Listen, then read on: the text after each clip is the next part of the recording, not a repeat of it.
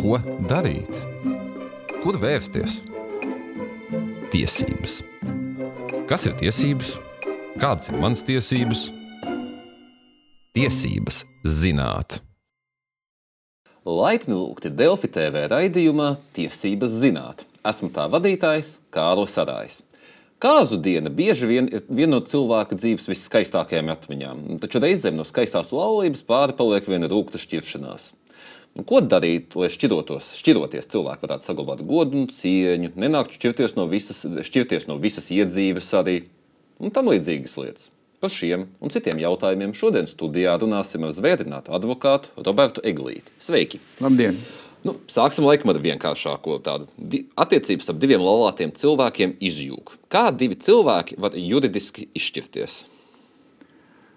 Nu, žēl, protams, ka pienāk tāda brīža cilvēka dzīvē, ka ir, ka ir kaut kas jāpārtrauc, ka ir jāatrisina tādas problēmas, kas varbūt nav tās patīkamākās, bet tās jārisina.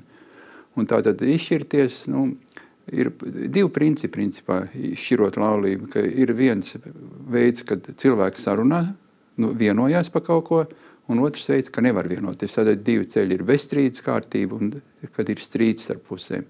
Un bezstrīdus kārtībā tas ir, no, ir šķiršanās pie notāra.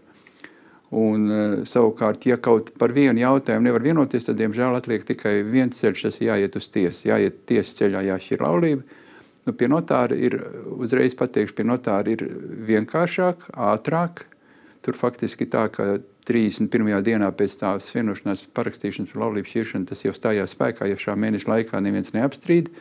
Bet pie notāra ne viss var nokļūt. Tāpēc, ka pie notāra, kā jau teicu, var nokļūt tikai nevis nokļūt, nokļūt var jebkurš, bet pie notāra jēga iet tikai tad, kad visi jautājumi ir pušu starpā ir vienošanās par visiem, par mantu, par bērniem, par saskarsmes tiesībām ar bērniem Un tāda strīda nav vieta pie notāra un visu to nokārto, un arī lētāk sanāks nekā tiesā.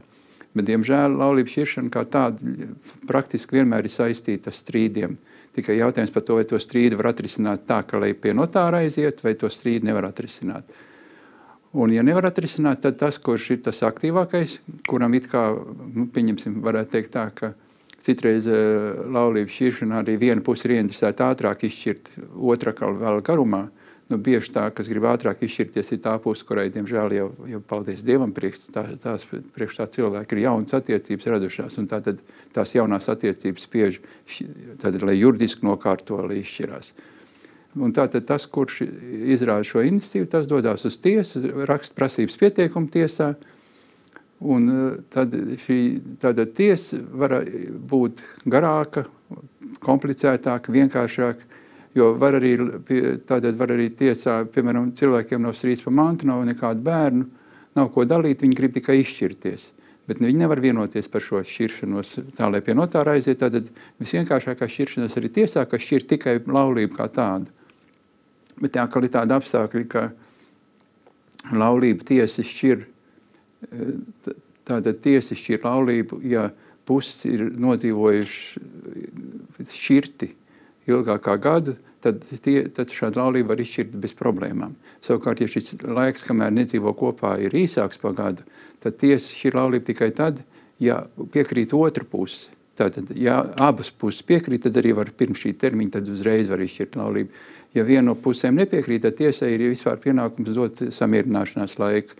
Bet ir arī izņēmumi no likuma, ka var šķirt arī pieņemsim, kaut vai mēnesi, kaut vai trīs dienas nedzīvo kopā, bet tad arī var šķirt laulību tiesa arī pēc šādas īsas kopā nedzīvošanas, bet tas ir tad, ja viena no pusēm izrāda emocionāli, ja fiziski vardarbību pret otru, ja no, vienam no laulātiem ir radušās jaunas attiecības, kurās gaidāms bērns, ja, nu, tad ir tādi izņēmumi gadījumi, kad tomēr nav jāgaida tas gads. Un nu, tiesadība, diemžēl, ja uzsākās tiesadība, uzsā, tiek uzsākta tiesadība, tad, diemžēl, tā var ilgt arī ļoti ilgi. Tas nenozīmē, ka, ka tas notiek ātri, tāpēc, ka Latvijā ir trīs pakāpju tiesu sistēma. Tā tad ir pirmās instances tiesa, kas skata lietu pēc būtības, apelācijas instances tiesa, kas atkal pārskata lietu pēc būtības, un pēc tam kasācijas instances tiesa. Un tā tad, ļoti, diemžēl, ļoti bieži e, ir tā, ka e, šādā laulības šķiršanas lietā cilvēki nedomā racionāli, bet domā emocionāli. Un ir pat situācijas, ka faktiski var, nu, tā, ka es nepiekritīšu nekam, es sariepšu viņam, jā, un sākās tas, ka tātad pirmās instances tiesās spriedums tiek pārsūdzēts apelācijā, savukārt vēl ir tā, ka ir Tā kā mums bija divas pēdējos gadus, ir pandēmija, ir kaut kādi ierobežojumi, tas atkal ietekmē tiesas darbu, un beigās var iznākt, ka tā laulības šķiršanas lieta tāda var divas, trīs gadus ilgt, jā, ka tas nav ātri. Jūs minējāt to, ka tiesa var skatīties, ja cilvēki ir dzīvojuši šķirti gadu. Kā tas tiek pierādīts? Nu, tas tiek pierādīts ar visiem iespējamiem pierādīšanas līdzekļiem. Ja, tās, tāda tiesā var pierādīt, tiesā pierādīšanas līdzekļi visefektīvākais ir kaut kāds dokuments, ja, uh, teiksim, īres līgums, ka jā, abiem ir dažādi īres līgumi. Jā, ka īrē jau citā vietā telpa, kaut gan nekur nav teikts, ka var īrēt telpu, dzīvojot pašu, ar to pašu sievu, kaut kur īrē grib atpūsties atsevišķi vīrs vienkārši kaut kur, jā. Bet ir arī tas, ko daudz varbūt nezina, ka, nevis nezina, bet ne, domā, ka man nav dokumentu, es nekā nepierādīšu. Tiesā kā pierādījums ir liecinieku liecības, jā. Un liecinieku liecības tiesa izvērtē kopā pārējiem lietā esošiem pierādījumiem, Un liecinieku liecības ir, ir arī, arī varbūt par pamatu, lai tiesa kādu faktu atzītu par pierādītu. Nu, kaut kā tās liecinieku liecības, ka kaimiņi var liecināt, ka vairs nav, nu, pieņemsim, ja vienā mājā dzīvo, tad var rada liecināt par šādiem dažādiem faktiem, ka šķirti dzīvo. Un vēl ir tāda īpatnība arī par, to, par šo šķirto dzīvošanu, ka bieži mēs būtu arī tāda situācija, ka uh, piemēram, jau divus gadus ilgu laiku nedzīvo kopā, nevis tieši pa maz tas termiņš, bet ir pietiekoši ilgs, divus gadus piemēram nedzīvo kopā, un, un nav izšķīruši juridisku laulību. Un tad rodas jautājums, kas notiek ar to mantu, kas tiek iegādāta tajā laikā, kad ja viņi nedzīvo kopā. Vai tā ir kopmanta vai nav kopmanta. Un šajā situācijā, ja, ja vairs nav kopīga saimniecība, ja nedzīvo kopā, kaut arī juridiski ir laulībā, šī manta vairs nebūs kopmanta, bet tā būs katra laulāta atsevišķa manta. Tātad, ja, ja cilvēki bet, šajā laikā, nu, tīri, lai būtu piemērs, tad uh, ir divus gadus dzīvojuši šķirti, tur viens nopērk, nezinu, mašīnu. Jā. Uh, beidzot aiziet uz tiesu laulību šķirtu, un kaimiņi saka, ka šis vīrs, vīrietis jau divus gadus dzīvo šajā mājā, Jā. pie tās sievas, ne, tad tā mašīna paliks pie tā vīra. Jā. Tād, bet te ir tāda svarīga, tātad, tāda papildu apstākļus šādā situācijā, ka ir jāpierāda šī šķirtā dzīvošana. Jā.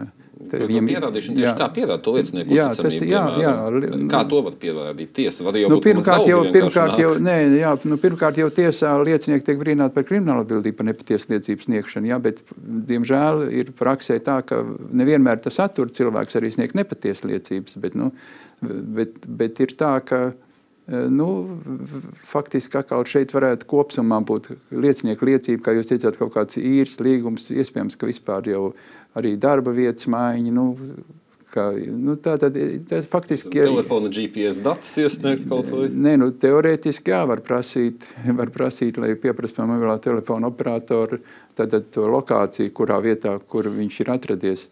Un, un, jā, un, Tā tad nav tā, ka automātiski viss, kas ir juridisks laulības laikā iegādāts, uzreiz būs kopmanta. Šādā situācijā tā, tā nebūs kopmanta. Bet vienmēr jāatcerās, nu, diemžēl tas tā būtu jocīgi, ja jau no laulības sākuma cilvēks sākt vākt pierādījumu situācijai, ja viņam būtu jāšķirās. Jā. Bet tai pašā laikā nu, par to ir nedaudz jāpiedomā, jo kā piemērs, piemēram, e, māti, viņamsim, māte uzdāvina savai meitai, pieaugušai meitai, uzdāvina, nu, pieņemsim, 10 tūkstoši eiro. Un tā meita atdod to kopīgā saimniecībā, dod vīram, viņi tur vai ceļ kopā māvē, nopērk mašīnu vienalga. Bet neviens pierādījums viņai par to nav, ka, ka, ka šī nauda ir dāvināta. Ja? Un tāpēc, piemēram, es ieteiktu arī padomāt par to, ka ja māte dāvina meitai kaut kādu naudu, tad eh, vai nu izmantot bankas pārskaitījumu, maksājuma mērķi ierakstīt dāvinājumus, ja, naudas dāvinājumus, ja arī pat noslēgt dāvinājumu līgumu, pie tam tas dāvinājumu līgums obligāti nav pie notāra jāskrien jāapsiprina. Viņš arī būs spēkā, tas arī būs spēkā, tas dāvinājumu līgums arī tad, ja viņš, ja tas viss, jā, jāsaka tas par dokumentu, ja, ja tas būs vienkārši abu pušu parakstīts. Ja. Šai gadījumā nodokļi būs jāmaksā droši vien par to. Nē, tuviem radiem nav. Tur atkal ir eh, nodokļu maksājums atkarīgs, ja dāvina sešam cilvēkam ir liels nodoklis.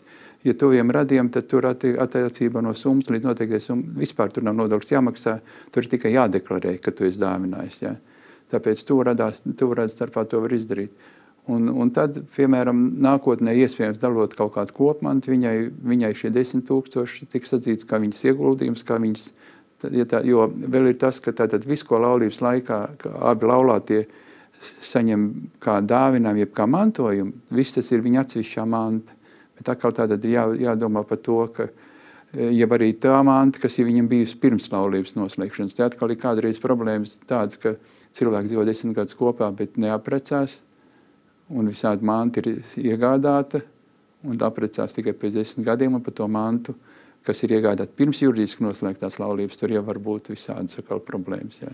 Bet vai šādā gadījumā, es, es tiešām nezinu, tāpēc jautāju, teiksim, faktiskā kopdzīve tiesas acīs netiek kopīgi nedalīt maisaimniecību tiesas acīs? Nē, nē, tas joprojām nav.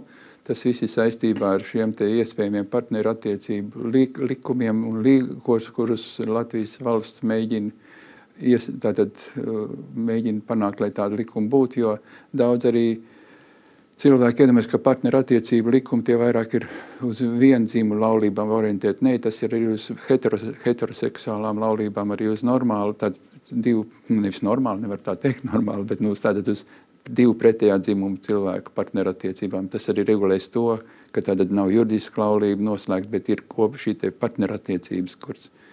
Tā, ka, Par šķiršanos arī viens tāds jautājums, vai vajag abu piekrišanu, vai var būt tā, ka nezinu, vīrs no kategoriski negrib šķirties, bet sieva grib, vai sieva tad var iet uz tiesu un celt to prasību, ka grib šķirties, un tas nekas, ka otra puse kategoriski jā, tāpēc, nevēlas. ja viņi iet uz tiesu, ka otra puse kategoriski nevēlas, ja abas puses būs piekrituši un būtu mieru šķirt šo laulību, tad viņi aiziet pie notāra abi divi.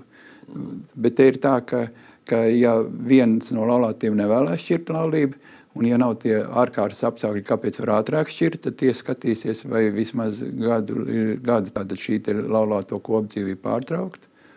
Un, un ir tā, ka redziet, laulībā, tāpat kā piemēram kopīpašumā, nevienu nevar ar varu piespiest palikt. Un laulības šķiršanas lietas ir, nu, pa lielam ir īpašs ar to, ka tā laulības, laulības vien, nu, viņi tiks izšķirti, ja jebkurā gadījumā ātrāk vai vēlāk, jo, Jo bieži nu, gadās tā, ka vien no, viens no laulātiem negrib šķirties, un tad ir tā, ka vēl garumā, jo ties, tiesas pienākums arī ir faktiski atlikt tiesas sēdi, ja ir saņemts ziņas, ka viens no, viens no, nu, viens no lietas dalībniekiem ir slims, un ja ir slimības lapa klāt, un vēl tur ir guldas režīms, ja tur nevis tā, ka vienkārši slimības lapa, tad arī tiesai ir jāatliek. Un vēl ir tāda īpatnība arī, ka civil process nosaka, ka laulības šķiršanas lietās jāpiedalās pašām pusēm. Jo jebkurā citā lietā eh, tātad cilvēks var piedalīties pats, var piedalīties kopā ar advokātu, var pilnvarot advokātu, var pilnvarot arī jebkuru, lai pārstāv viņu. Bet laulības šķiršanas lietās ir likums pieprasa abiem piedalīties tiesas sēdē, jo tur ir tādi jautājumi, ko vislabāk varētu atbildēt pašas puses. Un tur atkal gan ir izņēmumi. Tādi daži jā, izņēmumi ir. Izņēmums ir, nu, ja ir slims viens no, tad var arī pārstāvs, ja advokāts būt, ja arī Nu, piemēram, tagad daudz arī strādā ārzemēs, ja viena no pusēm nu, kaut kur ir, man ir bijuši gadījumi, ka ārprāts, ka zvejo kaut kur dzīvos pie Austrālijas, ja, un arī nav iespējams e, kaut kādā tiešsaistē sasaistīties, jo Latvija pēc tam ir pirmā uh, Eiropas Savienības valsts, cik es zinu, kur piedāvā arī laulību šķirt pie notāra attālināti. Ja ir e-paraksts, ja ir ID karte, un tad viens var būt Austrālijā, otrs varbūt Latvijā, un attālināti ar notāru palīdzību arī var izšķirt. Protams, šķirties elektroniski. Jā. Uh, bet bišķi par to īpašumu dalīšanu man viens specifisks, uh, ko es gribētu varbūt paskaidrot, ir dzīvoklis, nopirkts abiem kopā laulības laikā. Kā dzīvokli var sadalīt no pusēm nepārgriezīs? Nu, kā... Nu, dzīv, jā, nu, dzīvokli ir tā, ka Pieņems, pieņ, pieņemot, ka nav strīds, ka tā ir laulāto kopmanta. Jā, nav, nav šobrīd tāda pavisam vienkārša. Jā, jā ka katram, katram tāda pieder pusi. Nu, tad ir tā, ka faktiski ir tā, ka zemesgrāmatā jau būs ierakstīts. Es pieņemu situāciju, ka zemesgrāmatā ir uz vienu laulātāju ierakstīts, un tad tas šis dzīvoklis, piemēram, uz vīru. Tagad sieva iesniedz, tad to var atrisināt tā, ka sieva iesniedz prasību tiesā, ka, lai viņai atzīst arī uz pusi īpašuma tiesības, un pie reizes arī izveid šo kopīpašumu, ko tas nozīmē, ka tagad ir dzīvoklis, tagad dzīvoklis tiek atzīts juridiski, ka tas ir kop, laulāto kopīpašums. Un savukārt ir likums, kurš nosaka, ka arī nevienu nevar piespiest ar varu palikt kopīpašumā. Un tad ir četri civil likumā kopīpašuma dalīšanas veidi. Nu, kā piemērs varētu būt, ka tātad tiek tiesā viens saka, dod tātad es viņu izmaksāšu kompensāciju, lai dzīvoklis paliek man viss, jeb otrādi viens no laulātiem patur dzīvokli, samaksā otram kompensāciju, kompensācija maksā pēc cirkas cenām, nevis pēc kadastrālās vērtības. Un tad arī ir tā, ka tiesa nav saistīta ar to kopīpašumu izveikšanas veidu, ko puses grib. Viņi arī pat var redzēt, ka viņi tur kašķējās, ka nevar ne par ko vienoties, un var pieņemsim nolemt tiesa, un arī var paši puses prasīt, ka, lūdzu, ka šo kopīpašumu izbeigt, pārdodot dzīvokli izsolē un naudu sadalot attiecīgi uz pusēm. Nu, tāpēc, ka, jo it sevišķi, ka, ja ņem vērā, ka var patiešām būt nu, nosacīt divi stāvu dzīvoklis, ja, kurā viena istaba ir izolēta, viena ir caurstaigājuma, un ka tur pat nav iespējams, kur var bijušiem laulātiem kopā dzīvot. Bet vai teiksim, tieši to vērtējot, skatīsies to, ka teiksim, maksājusi ir tikai sieva par dzīvokli, viņa teiksim, naudas pelnītāja, vīrs ir nezinu, mājās rūpējas par bērniem vai kaut ko pat bez bērniem, vienkārši vai vērtēs to, kurš ir ieguldījis nu, naudu tajā? Nu, viens no pamatvērtējumiem, protams, ir, kas ir guldījis naudu, bet tas nenozīmē, ka tas otrs laulātais, kurš nav guldījis naudu, jo ka tas tam nav nekādas tiesības, jo likumā ir teikts, ka laulāto komandu ir tā, ko iegādājušies abi laulātie par kopīgiem līdzekļiem, ja arī viens no laulātiem par saviem līdzekļiem ar otra laulātā dalību, ja palīdzību, tātad dalība. Nu, klasisks piemērs ir, ka, piemēram, nu, visbiežāk ir tā, ka vīrs pelna un sieva sēž mājā bērniem.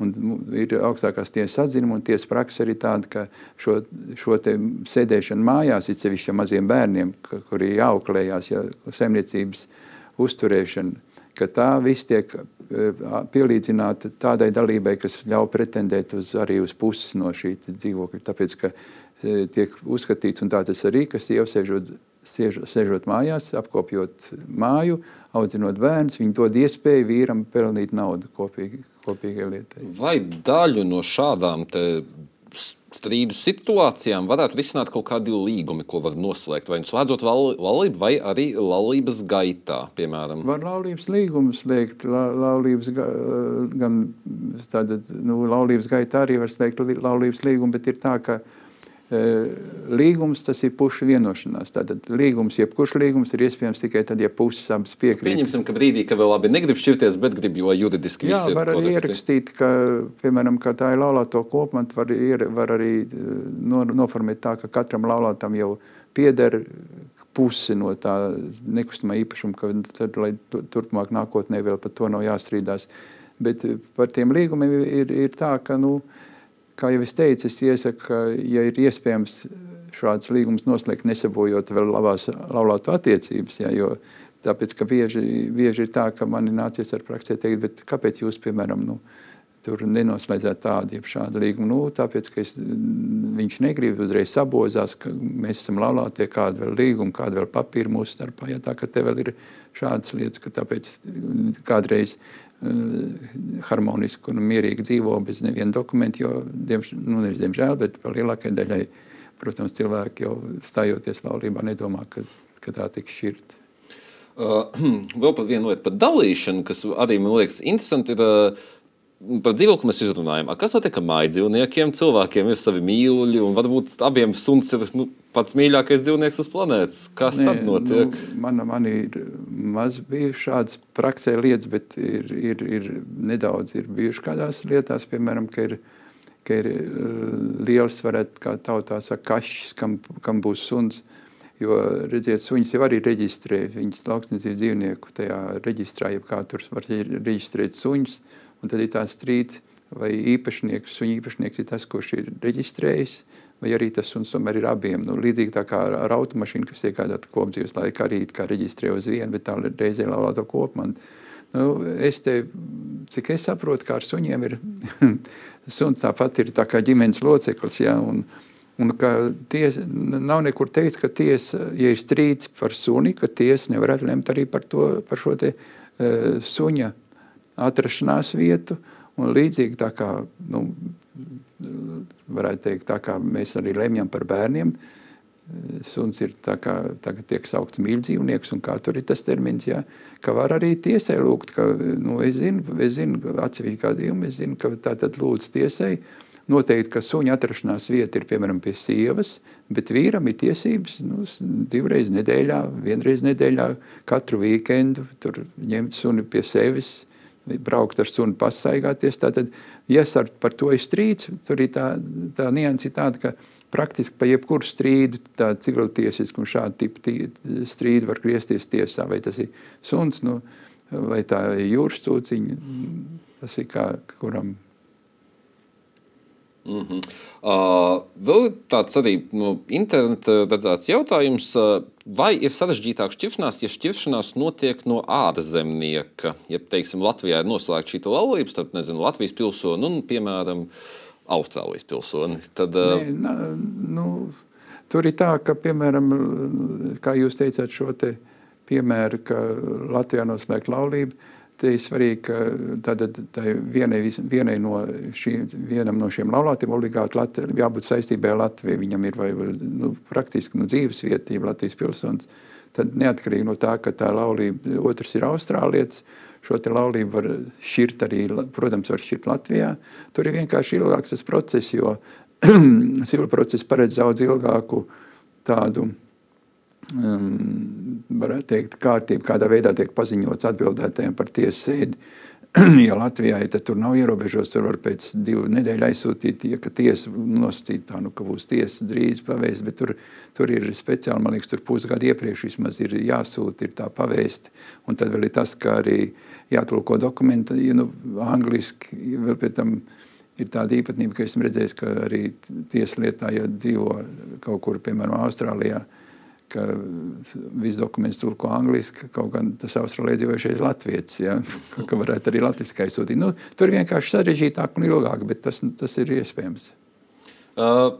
Tuvojamies jau beigām, un es gribētu jautāt, varbūt jums arī kāds interesants stāsts, tāds tiešām īsts, varbūt kāds, kas varbūt raksturot, cik šķiršanās reizēm var būt interesants, teiksim tā, jā, no jūsu puses. Jā, nu, tā šķiršanās, pirmkārt, es vēl nobeigumā gribētu pateikt, ka uh, šādās šķiršanās eh, strīdos ieteicams būtu vispār piesaistīt advokātu, jeb juristu vienalga kaut ko, tāpēc, ka šiem te pašiem abiem cilvēkiem, kas šķirās, viņiem emocijas tā prevalē pār citām racionālām lietām, ka viņi nesarunās to, ko izrunās un sarunās un iz, izšķirs, ja viņi pārstāv juristi, jeb advokāti. Nu, bet šķiršanās lietās, nu, man bija tāds, atceros tāds gadījums, ka tā tad eh, notiek šķiršanās process un sievai, sieva atstāja vīram kaut kāds dokuments, ko vīrs palūdz, bet tiem dokumentiem virsū tiek cirvis uzlikts. Ja. Nu, tā, tas, tā kā, nu, tas parāda arī, cik, cik, cik traki kādreiz var aiziet šāds šķiršanās process. Un pašā nobeigumā es vienmēr prasu zelta padomu mūsu skatītājiem un klausītājiem. Viens ir, ja jūs minējāt advokātu juristu iesaist, varbūt ir vēl kāds tāds tiešām Man padoms ir tāds, tas pat nav padoms, novēlējums. Novēlējums ir tāds, ka, lai jūsu klausītājiem nekad nebūtu vajadzība izmantot šo informāciju par laulību šķiršanu. Teikšu paldies mūsu studijas viesim eh, Robertam Eglītim un, eh, darbie skatītāji un klausītāji. Ar jums tiksimies jau pēc divām nedēļām, taču pie šī temata par laulību šķiršanos mēs noteikti vēl atgriezīsimies, jo ir vēl daudz lietas, ko izrunāt. Bet šobrīd teikšu savu ierasto frāzi: Mums visiem ir tiesības zināt savas tiesības. Atā!